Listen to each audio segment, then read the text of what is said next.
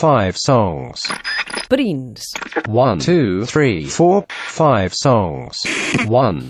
és un tema que, que transpira pues, pues molta melancolia o també és, és molt sexual, no? I a mi em despertava un no sé què aquell vídeo, no?, de que està com tocat un bar i si, si això existeix o no, però, però hi vull estar allà dins, no? Two. És la més significativa i la que realment quan l'escolto doncs m'evoca tots aquests records d'infància, em, em transporta totalment. Three. que és un disco que sempre que me'l puc posar, si estic trista, si estic contenta, si vaig a sortir, si estic entrant, és igual. Four. Jo tenia 10 anys en aquells moments, quan un divendres qualsevol, per la tarda, al tornar del col·le, va aparèixer en aquell moment mentre jo segurament estava fent guinyots, dibuixant.